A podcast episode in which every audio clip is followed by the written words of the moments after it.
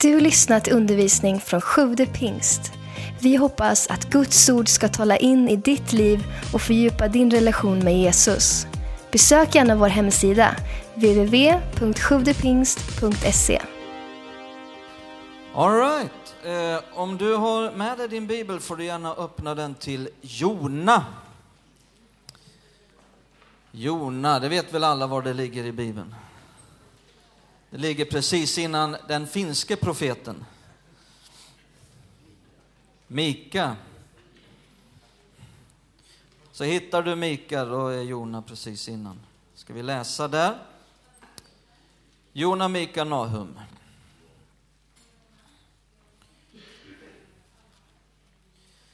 Vi ska läsa det sista kapitlet, det är bara elva verser, så vi läser kapitel 4 i Jona. Men innan vi läser så låt oss be tillsammans. Fader Gud, i Jesu namn, vi tackar dig för dina ord till oss genom din helige Ande. Jag ber om en uppenbarelsens ande över oss här idag. Att du ska upplysa våra hjärtans ögon så att vi kan se klart. Så att vi kan få en rätt kunskap om dig. En kunskap som förvandlar våra liv, en sanning som sätter oss fria. Halleluja. Och som leder oss in i glädje och frihet och frid, det som du har planerat för oss. In i ett liv med shalom, med harmoni över våra liv, i våra liv. Och vi tackar dig för din kärlek, för din nåd till varje människa här idag. Tack för att dina ord får korrigera, tack att dina ord får justera, tack att dina ord får uppmuntra, lyfta, sätta fri. Och vi tackar dig för din kärlek och din nåd, att du talar till oss.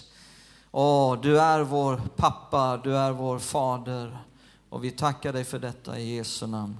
Amen. Jona 4, vers 1-11. Men Jona tog mycket illa vid sig och han blev, vad då? Arg. Kan alla säga arg? Och han bad till Herren och sa, Herre, var det inte det jag sa medan jag ännu var i mitt land? Därför vill jag förekomma dig genom att fly till Tarsis. Jag visste ju att du är en nådig och eh, barmhärtig Gud, långmodig och stor i nåd och sådan att du ångrar det onda. Tag nu mitt liv, Herre, för jag vill hellre vara död än leva. Men Herren sa, kolla nu detta, har du rätt att bli arg? Jona gick ut ur staden och satte sig öster om den. Där gjorde han sig en hydda och satt i skuggan under den för att se hur det skulle gå med staden. Och Herren Gud lät en resinbuske skjuta upp över Jona för att den skulle ge skugga åt hans huvud och befria honom från hans missmod. Jona var mycket glad över resinbusken. Men dagen därpå när morgonrodnaden gick upp sände Gud maskar som angrep resinbusken så att den torkade bort. När sedan solen hade gått upp sände Gud en brännande östanvind och solen gassade på Jonas huvud så att han blev helt utmattad. Då önskade han sig döden och sa, jag vill hellre dö än leva. Men Gud sa till Jona, har du rätt att vara arg? Kan jag säga arg? För andra gången så frågar Gud detta för resinbuskens skull. Han svarade, ja, jag har rätt att vara arg ända till döds. Då sa Herren, du ömmar för resinbusken som du inte haft någon möda med och inte har dragit upp och som kom till på en natt och förgicks efter en natt. Och jag skulle inte ömma för Nineve, den stora staden där det finns mer än 120 000 människor som inte kan skilja mellan höger och vänster. Dessutom en mängd djur. Här ser vi att jag vill, jag vill tala om det här som Gud lyfter fram till Jona här idag. Eh, och min rubrik är Var inte arg på Gud. Var inte arg på Gud. Min första punkt är att bli arg på Gud är aldrig rätt. Det är det Gud frågar, har du rätt att vara arg? Jona hade till slut kommit till Nineve eh, efter att ha blivit kastad ombord mitt i en storm ute på havet. efter att eh, Gud hade använt honom som fiskbete. Efter att han hade suttit i magen på en stor fisk. Um, och där hade han betänkt sitt uppror mot Gud. Och Jona hade känt sig som ett riktigt kräk. Och sen blev han det bokstavligen också. Han var kräket som kom ut ur fiskens mun. Uppspydd på land. Därefter hade han gått till staden Nineve och lytt Gud. Och så hade han predikat dom. Och så gick han och satte sig längst uppe på en kulle och så såg han fram emot den här domen som skulle komma efter 40 dagar över Nineve. Och 40 dagar kom och gick, men det kom ingen dom. Till Jonas stora besvikelse. Och nu var han arg på Gud. Gud hade inte mött upp till hans förväntan. Det hade inte blivit som han hade tänkt sig. Och dessutom så hade ju Gud fått Jona att framstå som en falsk profet. Det hade ju inte blivit som Jona profeterade. Uh, och nu bara kände han att här har jag suttit i en fiskmage i tre dygn. För vad då? Ingenting. Min tjänst ett misslyckande och nu var han arg på Gud. Uh, här för ett år sedan, eller två år sedan, så var vi ett gäng här från kyrkan. Vi åkte upp till något som heter Boltsiusmuseet. Jag har varit där ett par, tre gånger tidigare. Det är väldigt intressant. Det ligger norr om Karlstad. Eh, uh, Boltsius var ju en, uh, en fantastisk bönemänniska, en tronsman i början på 1900-talet med en väldigt helande tjänst. Det finns 30 000 brev med människor som skriver och tackar för att de fick komma och besöka Boltius. Han bad för dem, de blev helade. Man kan besöka det där hemmet, det finns fullt med gamla såna här sjuk, eh, sjukhusmaterial, hörapparater och så här stora trattar. Och, eh, det finns en platådoja där, där sulorna är så här stora. Eh, Eh, fullt med grejer som folk har lämnat efter sig efter att de fick förbön av Boltius. och det var ju så där de kom i, i, i stora mängder till Boltius, att eh, på tåget så sa de eh, Boltius nästa. eh, och han hade liksom en nationell tjänst och fick besöka eh, slottet till och med i Stockholm och, och så vidare. Eh, och där på Boltiusmuseet så finns någonting väldigt speciellt. Det finns en ask med 20 stycken kloliknande saker. Alltså 20 klor, tjocka, stora grejer. Eh, och berättelsen är att det var en man som var ute med ett stort hölass och det här tippade omkull. Eh, och då hade han rest sig upp och så hade han höjt med knytnäven mot himlen och så hade han svurit och förbannat Gud och han blev så full av vrede mot Gud. Och Eh, och efter det direkt så börjar de här klorna att växa ut på hans fötter och händer. Och han kom till Boltius med detta. Och efter att Boltius hade bett för honom så ramlade de här klorna av eh, och fram växte eh, fina naglar. Och de där klorna kan man fortfarande gå och titta på. eh, och, och liksom eh, slutsummeringen av hans vittnesbörd var ju att det är inte bra att bli arg på Gud. Jag tror faktiskt att det är så här att det finns inget farligare för en kristen än att gå runt och vara arg och bitter på Gud. Det finns till och med viss kristen rådgivning som eh, säger att eh, det är bara att släppa loss sin ilska mot Gud kristna själavårdare som inte är fyllda utav Guds ord och Guds ande, som mera grundar sin eh, själavård eh, och rådgivning på psykologi, eh, kan till och med säga att det är bra att släppa loss sin ilska mot Gud. Det kan till och med vara bra, man ger flera anledningar varför det rent utav kan vara bra. En anledning är ju, säger de, att, att då får man ju fokus på Gud. Och, och Gud är inte nervös och han eh, blir inte arg tillbaka och han blir inte sårad i sina känslor. Det är ju helt rätt. Vi märker här i det här kapitlet att Gud verkade inte vara speciellt nervös. Han blev inte arg tillbaka. Han får inte sina känslor sårade. Men det är ju inte det det handlar om.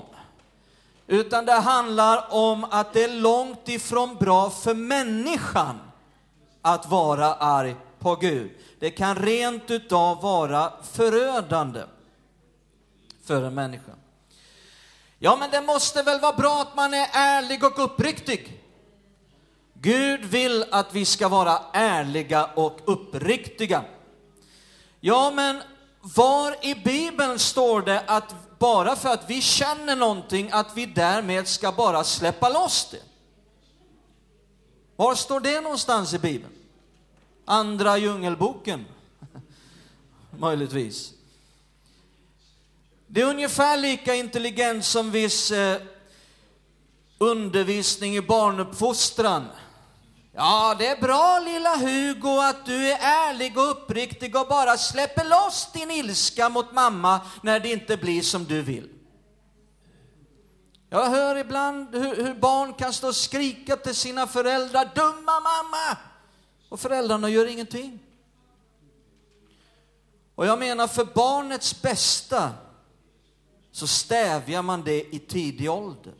Första gången det händer, kanske de är fyra år, första gången det händer. Så för barnets skull, för barnets bästa, så stävjar man det första gången det händer, en gång aldrig mer. Varför det? För att bygga in principer för framtiden, för att det här barnet ska kunna fungera i den här världen.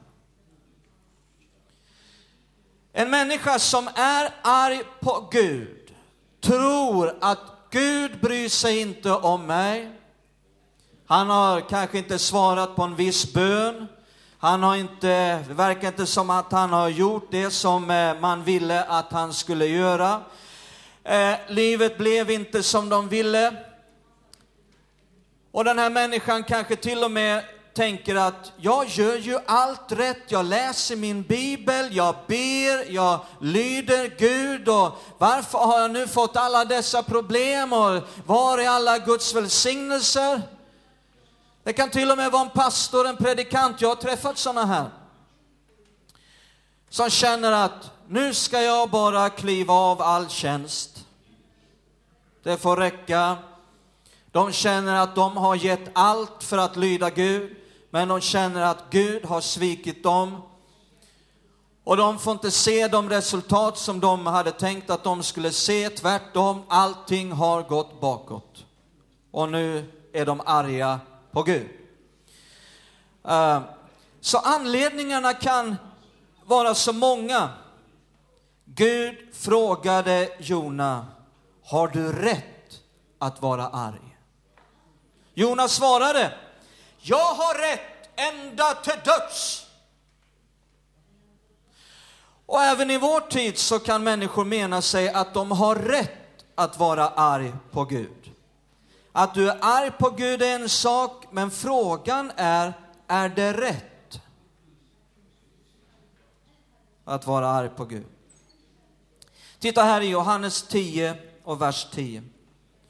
Johannes 10 och 10. Ska vi se vad Jesus säger.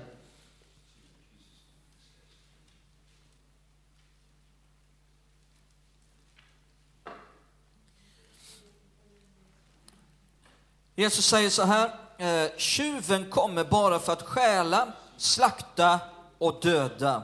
Jag har kommit för att de ska ha liv, ja, liv i överflöd. Jag vill lyfta två saker nu som att bli arg på Gud för med sig, två negativa saker som att bli arg på Gud resulterar i, för med sig, förstärker i våra liv. Uh, att bli arg på Gud förstärker en felaktig tro. Det är min nästa punkt. Att bli arg på Gud förstärker en felaktig tro. Det jag ofta har sett med de som blir arga på Gud är att de har en felaktig verklighetsbild. De tror att Gud har kontroll över allt som sker.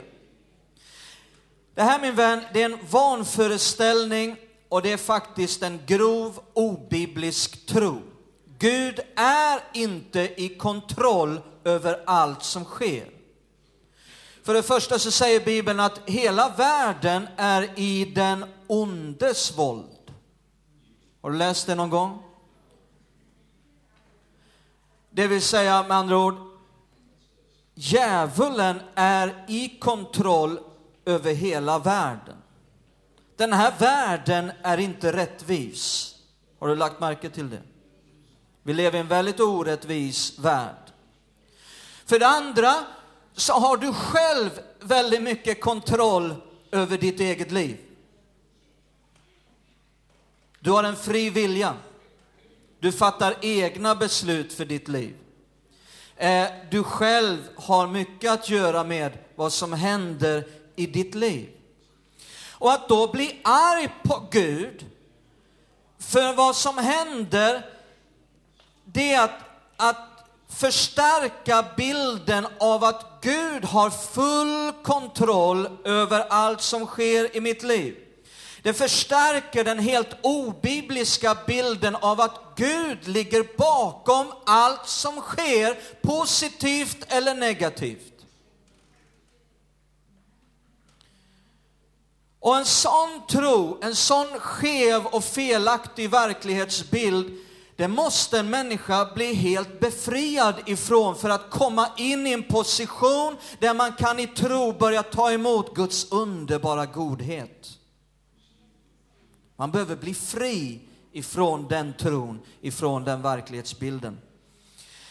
Jag hittade en intressant artikel i Svenska Dagbladet år 2008 där kunde man läsa om en senator i Nebraska, USA, som på fullt allvar lämnade in en stämningsansökan mot Gud.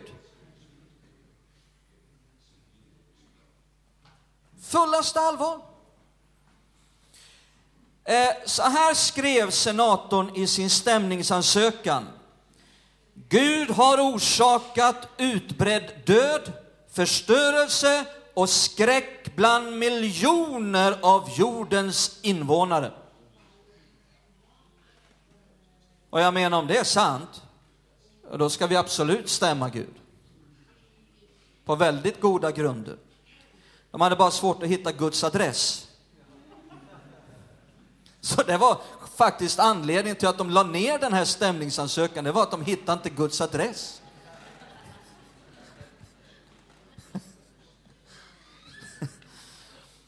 Och vi kanske tycker, vad är det här för en dåre? Stämma Gud. Men vet du vad? Det är lika dåraktigt att påstå att Gud mördar barn.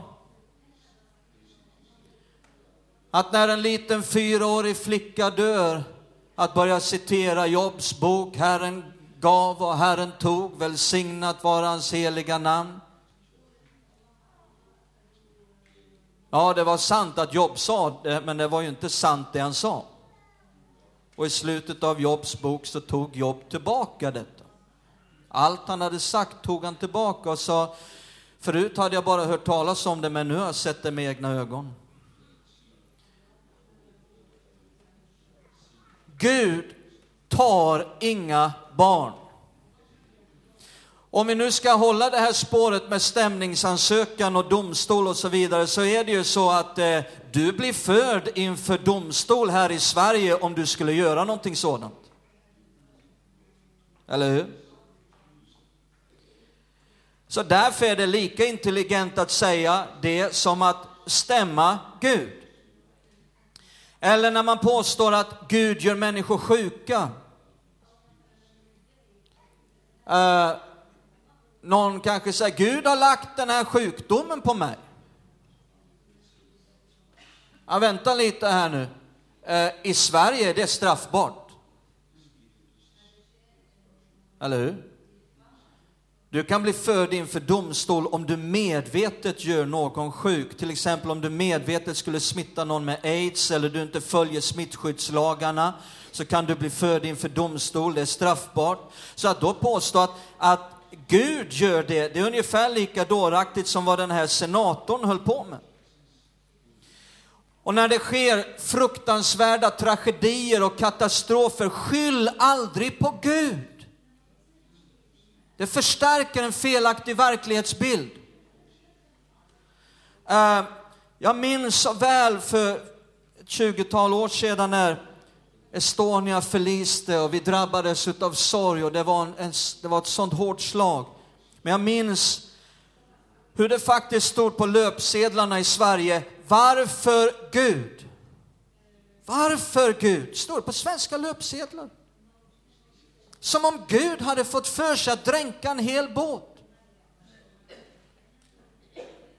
Och om han nu inte direkt låg bakom så är han ju indirekt skyldig menade man eftersom han kunde ju ha gjort någonting för att stoppa det. Som om han har full kontroll över allt som sker i det här livet och i den här världen. Det förstärker en felaktig verklighetsbild. Så en negativ effekt av att bli arg på Gud är att det förstärker en felaktig tro. Ytterligare en sak som också detta kan göra, att bli arg på Gud, det är att det driver en människa bortom all tröst. Det är min sista punkt. Att bli arg på Gud kan driva en människa bortom all tröst. En människa som blir arg på Gud kan nå en punkt där ingen och inget längre kan nå fram med den tröst som man så väl behöver. Titta här i Jeremia 31 och 15. Jeremia 31 och 15.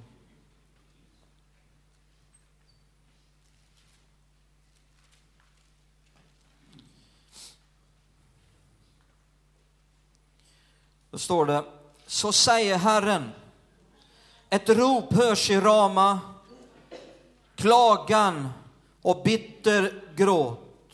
Det är Rakel som gråter över sina barn.